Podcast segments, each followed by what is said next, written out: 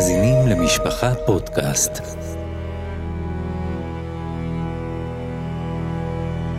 לא תשכח. הרב ישראל גולדווסר מספר את סיפורה של שואת העם היהודי.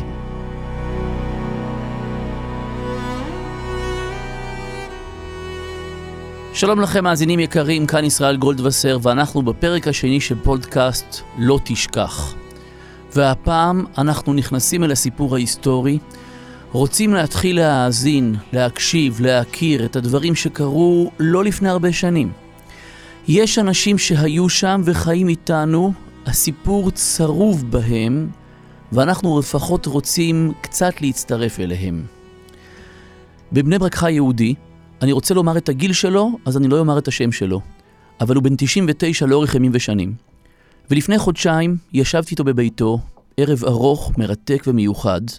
הוא היה גר בברלין, והיה שם עד הלילה שלפני ליל הבדולח. הוא יצא מגרמניה, הוא יצא את ברלין ברכבת האחרונה כמעט, שבה יכלו יהודים לעזוב לכיוון הולנד, והם יצאו בגלל שאבא שלו קם לתפילת נצח חמה, ואז דפיקות בדלת, עומדים היטלר יוגנד, עומדים נערי היטלר, צעירים, חצופים, אנטישמים, ופורצים הביתה. הם שואלים איפה ראש המשפחה, וכולם מושכים בכתפיים. הם נכנסים לחדר השינה, נוגעים במזרון ומרגישים שהוא חם ואומרים, הוא פה, הוא פה, אל תשקרו עלינו. הם הופכים, שוברים, מנפצים, הורסים. הוא סיפר לי את זה כעת עוד עם הפחד בעיניים. באותו יום הם עזבו את גרמניה. את ליל הבדולח הם כבר לא חוו אישית, אבל הוא מזועזע מהאירועים עד עצם היום הזה. הוא מתאר לי את קבוצת הצעירים שצועדת ברחוב מולו, עם הצדעות במועל יד, עם השירים האנטישמיים, אני מבקש ממנו לחזור על המשפטים, והוא עוצם עיניים ולא מסוגל. הוא עדיין בפוסט-טראומה, אז נמצאים בינינו האנשים האלה, שעוד מזועזעים מהאירועים שאנחנו רק נשמע עליהם, נשמע, נזכור, נתחבר, נרגיש, ננסה ללמוד את הסיפור. ננסה לדעת על מה עשה השם ככה לארץ, לפחות להקשיב למוסר השם. מוסר השם בני אל תמאס ואל תקוץ בתוכחתו. דוד שלי, צבי ברנד, זיכרונו לברכה, הוא כן נפטר, אז אני אומר את השם, גם הוא היה יליד ברלין. וגם הוא זכה לאריכות ימים מופלגת, נפטר קרוב לגיל 100, והיה מתאר לי את עצמו כנער צעיר בברלין, באותם שנים של מעליית הנאצים לשלטון ועד המלחמה, איך הוא צריך בכל פעם לחמוק, לא לעבור בגנים ציבוריים, לא לעבור בכיכרות. הוא צריך במשך כמה שנים לחיות, ובבוקר תאמר מי ייתן ערב. כל העת להסתכל מאחורי הכתף, מי עתיד לצעוק עליו ז'יד, מי הולך להשליך עליו אבן, מי עתיד לתת לו סטירה, ממי הוא צריך להתחמק ואיפה הוא צריך להעלים את זהותו. במשך שבע שנים חיו יהודי גרמניה בפחד הזה, עד שפרצה המלחמה. את הפרק הנוכחי נקדיש לאותם שבע שנים.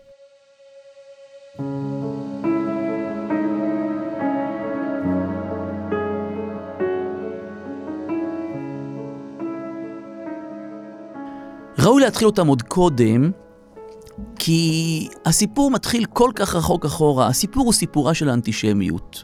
הסיפור הוא הסיפור הנצחי של עשיו שונא ליעקב, של הר סיני שבו ירדה שנאה לאומות העולם, הסיפור של עם לבדד ישכון. מה שייחודי בשואה זה שאנטישמיות הייתה תמיד, אבל היא הייתה לא מאורגנת, לא מודרכת. היא הייתה התפרצות זעם של עיקרים בורים, שפורצים עם הקלשונים והעיתי חפירה אל שטח הגטו ופורעים ביהודים. סבלנו, סבלנו מהם. אבל לא יכלנו לשאול אותם מה הם רוצים מאיתנו, כי רובם היו אנאלפביתים. אנחנו מדברים כעת על שואה מאורגנת, יש עליה חוקים. באמצע המאה ה-20, במרכז אירופה, זה לא בג'ונגל ולא לפני 700 שנה. באותו עולם מתורבת שבו אנחנו חיים. מדינה דמוקרטית, עם שגרירים, עם יחסי חוץ, מדינה מוכרת, מתורבתת, בולטת, חברה במשפחת העמים, ושם, בצורה כביכול חוקית, מאורגנת, עם שרי ממשלה ומשרדים, עם בירוקרטיה, עם היררכיה, יוצא מבצע רצח שלא היה כמותו בהיסטוריה, בהיקף שלו, אבל גם בארגון שלו. חלק מהסדיסטיות שלו היא ארגון, התכנון, הברוטליות הטובה, הברוטליות המוסברת, המודרכת, המונחית. יש נאום של היטלר, אני עובר כעת לסוף השבע שנים, אני עובר בעצם לסוף הפרק הנוכחי, בערך שבעה חודשים לפני פרוץ המלחמה. בינואר 1939 עומד היטלר ברייכסטאג הגרמני, בפרלמנט הגרמני, ונותן נאום. הנאום מוקלט, מוסרט, קיים. הסרטים באותם שנים, רבים מהם היו סרטים אילמים. והסרט הזה נמצא כולל הפסקול המזעזע. הוא מסיים את נאומו במשפטים עם יהדות הממון הבינלאומית. תביא שוב, תחרחר עוד פעם מלחמה באירופה, הסוף שלה לא יהיה ניצחון של היהדות, אלא השמדת הגזע היהודי באירופה כולה. השטן עומד, נותן את הנבואה שלו, ככה הוא קרא לה, כולם שומעים ומוחאים כפיים. האירוע הזה מצולם. יש שגריר אמריקאי בברלין, יש שגריר אנגלי בברלין, יש שגריר צרפתי בברלין. יש שגריר גרמני בפריז, בבריסל, בוושינגטון, בלונדון. מדינה רגילה, ועומד מנהיג המדינה ומכריז, אני אהרוג את כל יהודי אירופה. ואין פוצה פה ומצפצף. אנחנו נחזור אחורה, לא נחזור לכל ההיסטוריה של האנטישמיות, אבל לפחות לאותה דמות לראש הנחש, היטלר יימח שמו. אין הרבה מה לספר עליו, כי החיים שלו ריקים. ב-20 שנותיו הראשונות מדובר בילד יתום, נווד, ביש מזל, לא יוצלח בשום תחום. הוא לא סיים שום דבר בהצטיינות מימיו, לא תחום לימודים, לא תעודת בגרות, הוא לא קיבל אף תעודה, וכוח אחד הוא קיבל משמיים. כוח אחד שבו אי אפשר לזלזל, הכוח הזה הרג אותנו. הכוח של הפתוס, הכוח של הרטוריקה, ולא רטוריקה של מבנה, של תוכן, של ידע מרתק, את זה אין לו. כי כאמור מדובר באדם חסר השכלה כמעט לחלוטין. אבל איזשהו כוח מכשף של נואם כיכרות, שמהפנט המונים, וזה מחריד לראות את זה גם דרך המסך ממרחק של 85 שנה. הסרטים הרבים מאוד שצילמה המפלגה הנאצית במהלך שנות שלטונה, הם הספיקו ב-11 שנות שלטון, הם הספיקו להפיק למעלה מ-2,000 סרטים. הוא עצמו היה מאוד מאוד מכור לסרטים, למדיה מכל סוג, הוא היה צופה בסרטים כמעט בכל יממה, בכל לילה הוא ישב וצפה בסרטים בין 3 ל-4 שעות לפני המלחמה ובתוך המלחמה. בתוך המלחמה זה היה כבר קצת פחות נעים, אז הוא לא צפה בסתם סרטי מתח ו- ו- וסיפורים, אז יותר הוא ביקש שיהיה לו סרטים מהקרבות, מהפצצות הלונדון וכאלה. אבל הוא היה מכור לכוח של סרט, ולכן הוא הפעיל מאוד הרבה את משרד התעמולה סביב הפקת סרטים, כך שיש לנו המון המון חומר מגרמניה הנאצית. תיעוד כלי ראשון מהראשי הנחש בעצמם, מהשטנים בעצמם. ובכל המקומות האלה, כשהוא עומד ונואם, מפחיד לראות את הפתוס שלו דרך המסך במרחק של כל כך הרבה עשרות שנים. האגרופים הקפוצים המונפים, הצעקות, הגב הזקוף, התנועות החדות, הצרחות. הוא תמיד תמיד עומד במרחק של מטר או מטר וחצי מהמיקרופון, כדי שהוא יוכל לצרוח. אם הוא יעמוד קרוב למיקרופון, יצטרך לדבר כאחד האדם. הוא עומד במרחק, ורואים את זה כאמור בכל התמונות, והצרחות הן חלק מהפס קול של המפלגה הנאצית. הם חלק מהאישיות, כמו שתופסים את היטלר שם בגרמניה. הוא מעולם לא הלך לרופא. לא רוצה מדי הרבה לפרט, אבל... כי, כי הבן אדם באמת חדל אישים שהוא לא שווה שיחה, גם בלי קשר מה שהוא עשה ליהודים. הוא היה מטורף עם תעודה. אני יודע שזה נשמע שאני אומר את זה בשל מעשיו, ועם התוצאות הנוראות של הנאומים האלה שהוא נתן. אבל חברים שלו כותבים את זה עוד בתחילת המלחמה, עוד לפני פרוץ המלחמה. הם כותבים עליו שכשמשהו לא הולך בדיוק לפי שביעות רצונו, הוא נשכב על הרצפה של המשרד ורוקע בידיים וברגליים. מתיאורים שאנחנו מכירים מילדים בני ארבע, מתארים החברים הטובים שלו, עליו. בספרים הם הרגישו אז מאוד מאוד מכובדים לכתוב את האוטוביוגרפיה של עצמם לצידו של מנהיג כל כך משמעותי. הם מתארים את השטיח בחדר העבודה שלו, שהוא אכול מכל הצדדים, כי בכל פעם שמשהו מתנהל למורת רוחו, הוא נשכב על הרצפה ואוכל את השטיח. וכזה אחד נהיה מנהיג של 80 מיליון נפש. וכשהמלחמה פורצת, יש תקופות שמנוהלים תחתיו למעלה מ-300 מיליון איש. לו חכמו ישכילו זאת. יבינו לאחריתם איכה ירדוף אחד אלף ושניים יניסו רבבה, אם לא קיצורם מחרם, נחזור לפסוק הזה עוד שוב ושוב. כי הגילוי של הניסיות של מידת הדין, הגילוי של עד כמה השואה היא אבסורדית, עד כמה היא בלתי אפשרית, עד כמה לולי גזירת שמיים אין צורה שהיא תתרחש, אנחנו נראה את זה שוב ושוב בהרבה הרבה מהלכים, אבל הדבר הראשון זה כשלוקחת מדינה מתורבתת במרכז אירופה על עצמה מנהיג ברמה נמוכה כל כך. כאמור, הוא לא הולך לרופא, עם כל מיני שיגעונות אישיים. היה לו איזשהו רופא אליל שהיה מספק לו אה, תכשירים מוזרים ו- ושיקויים ממיצים אה, של קיבות של בעלי חיים, כל מיני דברים שאף אחד לא יכול לחתום עליהם. פעם אחת, פעם אחת הוא הלך לרופא, אף אוזן גרון, כשהוא היה צרוד.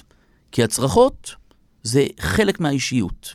הצרחות שמעבירות את המסר של הכוח, השליטה, העוצמה, החוצפה. גם בתוכן, אני מניח שהשומעים לא כל כך שומעים גרמנית, אה, חוץ משומע היידיש, שבהרבה מקרים היא דומה. לשמוע אותו איך שהוא מדבר לנערי היטלר ב-34, והוא אומר, אני רוצה שתגדלו אמיצים, אני רוצה שתהיו חזקים, אני רוצה שתהיו נחושים. ואנחנו יודעים מה יצא מהמילים האלה. מהנחישות והעוצמה והכוח יצא דם ואש ורצח.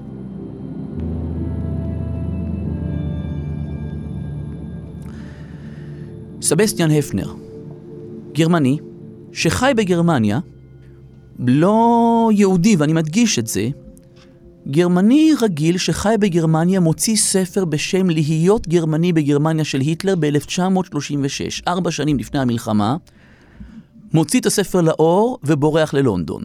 אם הוא היה נשאר עוד לילה אחד, הוא ידע שהוא ייקלע במחנה ריכוז. בספר הוא כותב, הספר קיים גם בתרגום לעברית, הוא כותב, אני לא מבין איך הכתרנו על עצמנו אדם כזה, שאני רואה אותו ברחוב עובר למדרכה השנייה. הצורת דיבור המשונה שלו, הפראות, הרמה הנמוכה, הסגנון, הוא אומר, אני לא אתן לו סיגריה.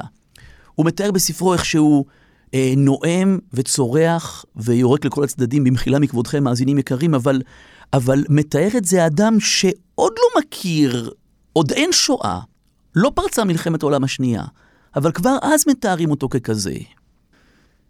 הנווד הזה נולד בלינץ, מסתובב אחר כך בווינה. אה, גרמניה שאחרי מלחמת העולם הראשונה הייתה מדינה מושפלת, מובסת, ענייה, אה, במהלך מלחמת העולם הראשונה הוא שירת בצבא, אבל לא התקדם כמעט בדרגות. השתחרר אחרי כל שנות המלחמה כטוראי, ואחרי המלחמה הוא מסתובב ומחפש לעצמו מקום של השפעה. יש לו איזה drive פנימי של השתלטות על המונים, או פסיכולוגיית המונים, או לתפוס ציבור. הוא מנסה להתקבל לחיל החינוך. לפי הסכמי ורסאי, לפי הסכמי הכניעה של גרמניה של מלחמת העולם הראשונה, אסור לגרמניה להחזיק צבא, מותר לה רק להחזיק חיל חינוך, שישמור על הסדר, וחיל חינוך כשמו כן הוא. ותראו את האבסורד שאותו רוצח מועד, אותו פושע נאלח, הוא מכהן בחיל חינוך. בתור שכזה, הוא אמור לעקוב אחרי כל מיני התארגנויות קטנות בלתי לגליות, אחרי כל מיני אה, קבוצות לא פורמליות, והוא נקלע לקבוצה כזאת, קבוצה של עשרה בערך אנשים, מבולבלים בערך כמוהו, זאת אומרת, גם ביניהם אנחנו לא מכירים אה, דמויות ו- ופילוסופים ואנשי מחשבה. והם מחליטים להקים קבוצה שתתפתח למפלגה, מאוד מהר הוא משתלט על הקבוצה, ועם הפתוס שלו, ועם הנאומים שלו, ועם ההבטחות חסרות הכיסוי שלו, עם ההבטחות שביום שהשלטון יהיה בידם, אז כל העניים יהיו עשירים, וכל העשירים יעסיקו את הפועלים במשכורת טובה, העשירים יהיו עשירים יותר, והפועלים יהיו מסודרים כלכלית, לאף הבטחה הוא לא צריך להציע כיסוי. הרמה של הפתוס שבה הוא מציע את הדברים שלו, הוא לא אמור לעמוד מאחוריהם, הוא לא מסביר את השיטה הכלכלית בה הוא יגיע להישגים הללו, אבל הוא רק נותן המון גאווה ועוצמה וחוצפה. אחד המשפטים הכי מוזרים ומשונים, אבל הוא אמר אותם, זה ברייך השלישי, אותו הוא מתכנן, ברייך השלישי כל בחורה תמצא בעל. כביכול המפלגה הנצונה הסוציאליסטית אמורה גם לפתוח משרד שידוכים. הוא לא מנסה לכסות את ההבטחות שהוא מפריח, אבל בגזירת שמיים ובכוח של פתוס, הוא מצליח לשבות אחריו עוד ועוד. גרמניה במצב רעוע. האינפלציה מאוד מאוד גבוהה. ובכל פעם שהציבור במצוקה, הוא מחפש לנקז, לתעל את הכעסים נגד מישהו מבחוץ, במקרה הזה יהודים, מאוד קל, גרמניה היא הרבה שנים אנטישמית, אבל מאוד קל על הרקע של המצוקה הכלכלית להפנות את הכעסים נגד היהודים, ומאוד קל להציע לאנשים מהפכות. מאוד קל לכבוש את הלבבות עם מישהו שאומר, אני אעשה משהו חדש. המפלגה שלו הולכת וגדלה. עם איזשהו שיגעון גדלות, הוא מנסה להשתלט על השלטון בכוח הזרוע, הוא מנסה עם כמה אלפי תומכים לעלות על ארמון הנשיאות, הוא נעצר בדרך, הוא, יחד עם חבריו, הוא ישב בכלא, המשפט שלו הפך לקרקס, הוא מייצג את עצמו, הוא לא רוצה עורכי דין, והנאומים שלו מוקלטים, משודרים בכל גרמניה, וככה הוא מקבל במה יותר משמעותית לרעיונות שלו. הוא יושב בכלא, הוא כותב את ספרו מיינקאמפף, מלחמתי, הספר האנטישמי ביותר שיצא בתולדות עולם, הספר שבעצם רצח אותנו. הספר כמו האישיות, הוא לא מעניין והוא לא חכם.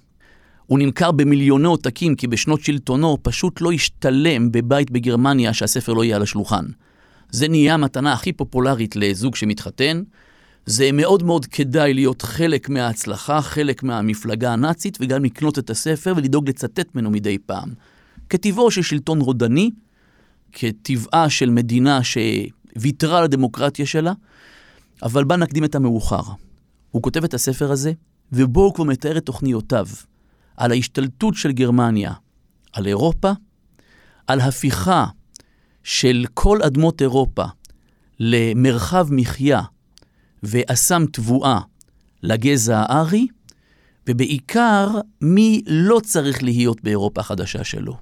היהודים מיותרים. אותם צריכים להעביר למקום אחר. הוא עוד לא מפרט לאיפה.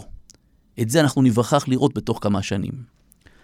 הוא משתחרר מהכלא, חוזר להנהיג את המפלגה, היא הולכת וגדלה, ובכאוס שבאותה גרמניה, רפובליקת ויימאר כמו שהיא נקראה אז, בשנים שבין שתי המלחמות, אף מפלגה לא מצליחה לקבל רוב מוצק, אף מנהיג לא מצליח לרכז תחתיו מספיק אה, מצביעים, ומגיעה תקופה שהמפלגה הנציונל סוציאליסטית, מפלגת הפועלים הלאומית, הופכת להיות לשון מאזניים.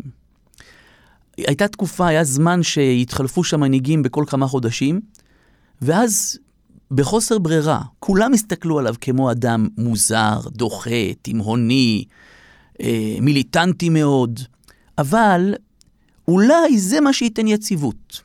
הם מבינים שגם אם ימנו אותו לקאנצלר, גם אם ייתנו לו את אה, אה, משרת מנהיגות, תמיד יוכלו לסנדל אותו ולחשק אותו. הרי אין לו מספר מנדטים, המפלגה הנאצית זכתה באותו זמן בפחות משליש מקולות הבוחרים, אז הוא לא יכול לנהל לבד. אז אם הוא יהיה הקאנצלר, וכל הממשלה שלו יהיו שרים ממפלגות אחרות, חשבו שיצליחו לאזוק אותו, יצליחו, יצליחו לחשק אותו. בתעלולים פוליטיים, בערימה של שקרים, נוכלויות, התחמקויות, ואני חוסך מהקהל את החלקים אה, אה, המורכבים והמסובכים של הפוליטיקה הגרמנית באותם שנים, אבל בתוך זמן קצר הוא משתלט על גרמניה. מכיסא הקאנצלר הוא מוביל מערכת בחירות שעם היכולות, עם האפשרויות, עם מעמד של קאנצלר, הוא מצליח להביא לשם דברים שלא הכירו מעולם, אה, משאיות עם רמקולים, טיסות מעצרת בחירות אחת לשנייה, זה דברים שאנחנו מכירים אותם משנות האלפיים, והוא כבר עשה אותם אז ב-1933. הוא זוכה בשלטון, גם בפעם הזאת הוא עדיין לא מקבל רוב, אבל הוא מתיישב על הכיסא בהרבה יותר ביטחון. בתוך תקופה קצרה, הוא מעביר את חוק ההסמכה. הרייכסטאג הגרמני מתפשט מיכולותיו, מוותר על סמכויותיו, ונותן לקאנצלר את כל הסמכויות להחליט על הכל בכוחות עצמו. בעצם מדינה דמוקרטית מוותרת על זכויות האזרח, מוותרת על זכות הבחירה, והכל הכל רק לפי גחמותיו של המנהיג. איך דבר כזה קורה? אפשר לנסות להסביר את זה בדיעבד. ההסבר הכי טוב הוא אותו פסוק שציטטנו קודם. לולי קיצורם מחרם והשם יסגירם. מה קרה שם בשטח? הכל היה כל כך רע, האינפלציה כל כך גדולה, המצב הכלכלי, האבטלה, ומגיע מישהו אחד ואומר, אני יודע מה לעשות. נשענו עליו, נסחפו המונים. האנשים היותר משכילים, היותר מבוגרים, עמדו מהצד מאוד מאוד בין סקפטיים למזועזעים. אבל הוא המשיך בלי לראות בעיניים. נוטעים באנשים המון המון תקוות, וללבבות היהודיים מתגנב פחד. מה הוא חושב על יהודים אנחנו כבר יודעים, ומאוד מהר מתחילים לראות את נחת זרועו. החוק הראשון שעובר ברייכסטאג הגרמני, החוק על איסור השחיטה. זה הרבה מעבר לחוק, כי הנאצים השתמשו בזה כל הזמן כחלק מהצגת היהודים כרעים, כמושחתים, כשופכי דם. אנחנו שוב נעבור קדימה 7-8 שנים, ובשנה הראשונה של המלחמה הפיקו הנאצים סרט אנטישמי נורא בשם היהודי הנצחי. לכל איש אס אס וגסטאפו הייתה חובת צפייה בסרט הזה כדי להגיע לרצח היהודים מלא מוטיבציה. הסרט הזה משתמש ביהודים, הסרט הזה מנסה להראות אותנו בצורה מאוד מאוד משפילה.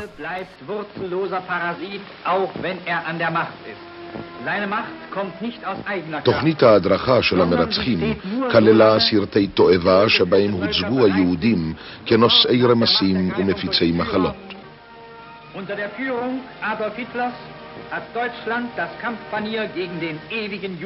חובתנו, שינן היטלר לחסידיו, לעורר בעמנו שאט נפש אינסטינקטיבי מן היהודים. סרטים מבוימים אלה נועדו להרגיל את הצופים למחשבה כי השמדת היהודים היא מעשה חיובי, ויש בכך משום טיהור העולם ממוקד של זיהום וחיידקים. לוקחים כל דבר רע ושלילי שאפשר להדביק עלינו ומדביקים אותו בכוח. שימוש מרכזי, רחב וברוטלי עושה הסרט בשחיטה יהודית. רוצים להוכיח שהיהודים שופכי דם, אבל היהודים הם עדינים, היהודים הם אציליים, היהודים זה עם של טוב וחסד. איך יראו יהודים שופכי דם? נכנסים הצלמים אל בית מטבחיים בוורשה, מאלצים את השוחטים ללכת במצעד סכינים שלופות, הצופה הגרמני בבית מעולם לא ראה משחטה יהודית, ומאמין שכל מה שהוא רואה כך אכן זה מתרחש. זה גם לא שהוא צמחוני, אבל הוא מעולם לא הלך לבית המטבחיים לראות איך הורגים את הפרה שלו. וכעת, בתמונות תקריב, מראים לו פרה, מראים לו איך היהודים מפילים אותה, מראים לו איך שוחטים אותה. כל התמונות שמעולם לא היינו רוצים לראות, ומגיעות ככה על המרקע, והמרקעים לא היו בבתים. היו מקרינים את זה ב... מסכים בבית העם, היו מקרינים את זה על קיר בית העירייה בגודל של כמה מטרים, וכל העיר צריכה לבוא ולצפות. ואנשי SD, אנשי SS, נמצאים בקהל, ואם מישהו לא מתלהב מספיק ולא מוחא כפיים מספיק, זה אומר שהוא ריאקציונר. זה אומר שהוא מתנגד משטר, זה אומר שצריכים להגות אותו מהמסילה ולשלוח אותו למחנה ריכוז. הסרטים האלה מוקרנים, כולל הקטעים המזוויעים האלה.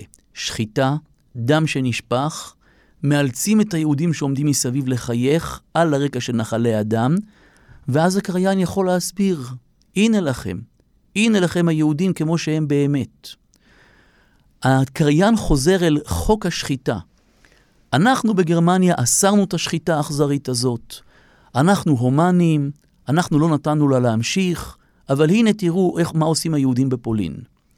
התמונות האלה ותעמולת הזוועה הזאת רצחו אותנו.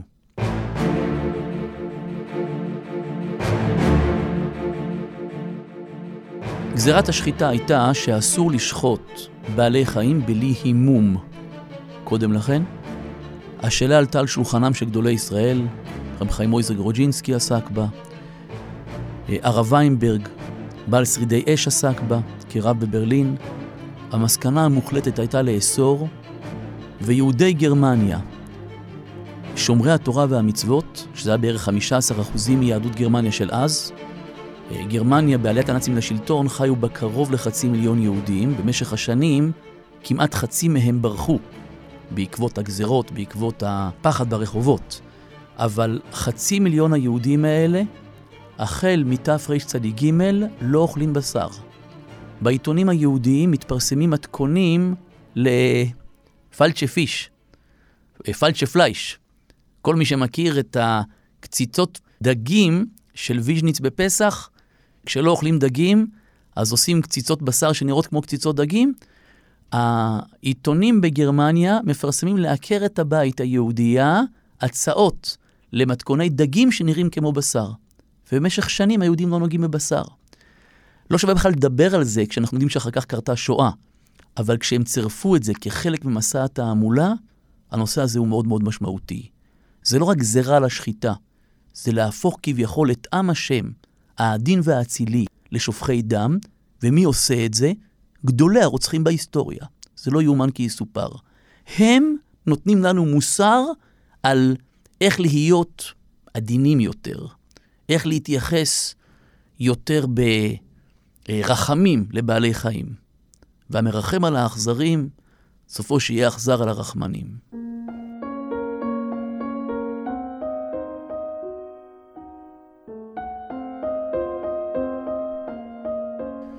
בגרמניה היו עשרות ארגונים של צער בעלי חיים, אבל את היהודים רצחו בדם קר.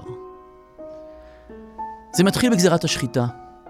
זה ממשיך ביום החרם. היהודים ניסו את מה שהם מכירים תמיד. ניסו אפילו בהתחלה, וזה נשמע כל כך נאיבי, אבל הקהילה היהודית בברלין שלחה מכתבים ללשכת הקאנצלר וביקשה לקבוע פגישה. לנו זה נשמע להיכנס ללא הארי, אבל אנחנו כבר מכירים את סוף הסיפור, הם לא ידעו את הסיום. מבחינתם עלה כאן מנהיג אנטישמי, ואולי כדאי קצת להרגיע אותו, אולי כדאי קצת להיכנס איתו למשא ומתן, לבוא איתו בדברים. התיעוד נמצא. הלוח פגישות, היומנים של הקהילה של ברלין קיימים, ואפשר לראות את הבקשות החוזרות ונשנות, ומחכים לתשובה מלשכת הקאנצלר מתי יקבעו איתם פגישה. הפגישה לא נקבעה מעולם. מה עושים היהודים? מנסים לפנות לעזרת אחיהם בארצות הברית. מנסים לפנות ליהדות העולם. והנאצים מתקוממים. אתם מחרחרי מלחמה, אתם מוצאים את דיבתנו רעה, ומה תהיה התשובה? איך יגנו, במרכאות כפולות ומכופלות, הגרמנים על עצמם? יום החרם. יהיה יום שבו לא נכנסים לעסקים יהודיים. עומדים נערי היטלר, עומדים אנשי המפלגה הנאצית בפתחי העסקים היהודיים עם שלטים, אנחנו לא נכנסים לחנויות של יהודים. מאוד מתסכל לחשוב, אבל יום החרם היה בשבת. אנחנו באמת לא יודעים חשבונות שמיים, ומבחינתנו, ממבטנו היום, אז כולם אהובים, כולם ברורים, כולם קדושים, כולם נהרגו על קידוש השם, אבל אנחנו יודעים את מצב היהדות בגרמניה, ואנחנו יודעים שרבים רבים עזבו את דרך השם, ואנחנו יודעים שגם היו מתבוללים ואפילו משומדים. ואז אומר הקדוש ברוך הוא, אם לא תסגרו את החנות בגלל שמור את יום השבת לקדשו, תיאלצו לסגור אותה בגלל חוק החרם הגרמני. מיום ליום המצב נהיה קשה יותר. ההתחלה עם גזירת השחיטה וחוק החרם, ובוקר תאמר מי ייתן ערב. תמיד זה נראה שיותר גרוע מזה לא יכול להיות, אבל נהיה יותר גרוע. כל יהודי צריך להוסיף בפספורט, צריך להוסיף שם, שרה לבת, ישראל לבן. עם הזמן, ב-1936 מתפרסמים חוקי נירנברג, חוקי הגזע. גם כאן, אותה צעקה בדיוק, אותה קריאה בדיוק, ואנחנו באמת באמת לא יודעים בקו שדרחמנה, אבל חוקי נירנברג אומרים מה שהתורה אומרת. בשום אופן ליהודי אסור להידבק בבת אל ניכר. בחוקי נירנברג אומרים הנאצים, דם יהודי וגזע יהודי לא יזהם את הגזע הגרמני. אסור ליהודי לשאת גרמניה, אסור לגרמניה להינשא ליהודי, אסור לגרמניה צעירה לשמש כעוזרת בית בביתו של יהודי, מחשש שיבואו לקשרי שידוכים. זה עצוב, אבל זה מזעזע. החוקים זה הדברים הרשמיים, אבל חוץ מזה, הרוח הדברים נקלטת בקהל. ואז הגינות הציבוריות עם השלטים שאסורה הכניסה ליהודים ולכלבים. הספסלים עם הכיתובים שאסורה ישיבה ליהודים. את כל גרמניה שוטפת הרוח הזאת, האווירה הזאת, שממונם של היהודים הותר ודמם הופקר, אפשר לרדות בהם, אפשר להעיף אותם מהרכבת הנוסעת, אפשר לנשל אותם מרכוש. החוקים מגיעים לאט-לאט, אבל העם מבין את זה מהר יותר.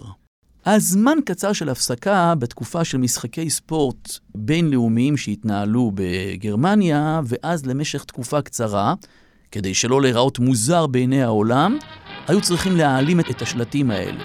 היה, אז היה כלל שבמשך ימי האולימפיאדה אסור לכתוב בעיתונים בנושא הזה, אסור לשים את התמונות האלה, את המודעות, את השלטים האלה, אבל איך שהתיירים הזרים יוצאים, הכל הכל חוזר.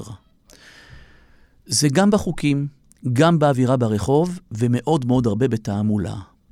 העיתון המחריד, דר שטירמר, העיתון האנטישמי, עם הקריקטורות המזעזעות, היהודים עם האף הגדול, מצולמים כערפדים, כנחשים. הם מסוכנים לסביבה, הם מסוכנים לילדים. הכתבות, התיאורים, ואנשים קוראים וקונים, קוראים ומאמינים. משרד התעמולה לא טומן ידו בצלחת. התעמולה בגרמניה הייתה מאוד מאוד מאורגנת. כל עורך עיתון אמור להיפגש יום-יום עם גבל שר התעמולה או עם אחד מאנשי הצוות שלו. כל עורך עיתון וכל ערוץ תקשורת מכוון יום-יום מלמעלה. זה לא פעם בשלושה חודשים, זה לא נתינת כיוון, זה לא איזה נאום אה, מצב האומה פעם בשנה. ומשרד התעמולה גם נותן את הקו וגם דואג להפיק את הסרטים האנטישמיים בעצמו. דואגים להפיק סרט על יהודי זיס. הסיפור של זיס אופנהיים, היהודי שיצא לתרבות רעה ונהיה שר האוצר אצל הרוזן, ועם הזמן, עם התעוררות תשובה, עם איזה ניצוץ יהודי שנדלק בו, חזר חזרה אל עמו. הסיפור היה בגרמניה כמה מאות שנים קודם לכן. הנאצים דואגים להפיק סרט, לביים את הסיפור הזה מחדש, והסרט מסתיים בהכרזה של הרוזן המקומי אז, מאות שנים אחורה, על גירוש היהודים מכל הארץ הזאת, מכל חבל הארץ, מכל האזור. והמסר הוא, תראו, אז גזרנו עליהם גירוש. אם באמת היינו מיישמים את זה, היינו חוסכים מעצמנו כעת את הסבל. לא עשינו את זה אז, אבל הגיע הזמן. מילים יכולות להרוג, ומילים הרגו. היהודים בגרמניה, רבים מהם עוזבים, אבל יש לפחות 250 אלף שלא יכולים לעזוב. יש להם הורים מבוגרים, ילדים קטנים, אין להם את היכולת הכלכלית, ויהודי שרוצה לעזוב ולמכור את הדירה, הוא יודע שהוא לא יקבל בעדה כמעט מאומה. כי הגרמנים מסביב יודעים שאין לו עוד מה לעשות, שהוא חייב לעזוב פה. רבים רבים נותרו, תמיד תמיד מתוך תקווה ואמונה שיותר גרוע מזה לא יכול להיות. אבל עוד יום ועוד חודש, וניתנה רשות למלאך המשחית להשחית, והמלחמה מתקרבת בצעדי ענק.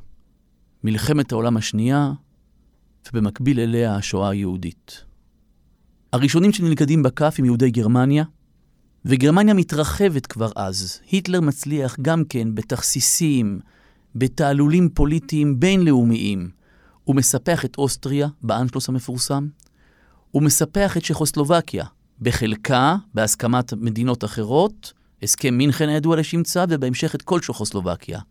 וכך עוד לפני פרוץ המלחמה, נמצאים בידו לשבט ולחסד יהודי שלושת המדינות האלו.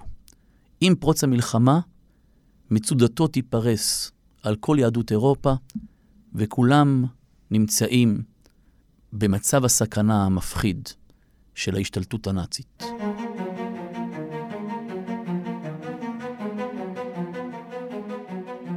סיימתם כעת לשמוע פרק נוסף בסדרת לא תשכח, תודה לכם על ההאזנה. תוכלו לשמוע אותנו אה, באתר משפחה, באפליקציות הפודקאסטים, או במספר טלפון 02-652-3820. להשתמע בפרקים הבאים.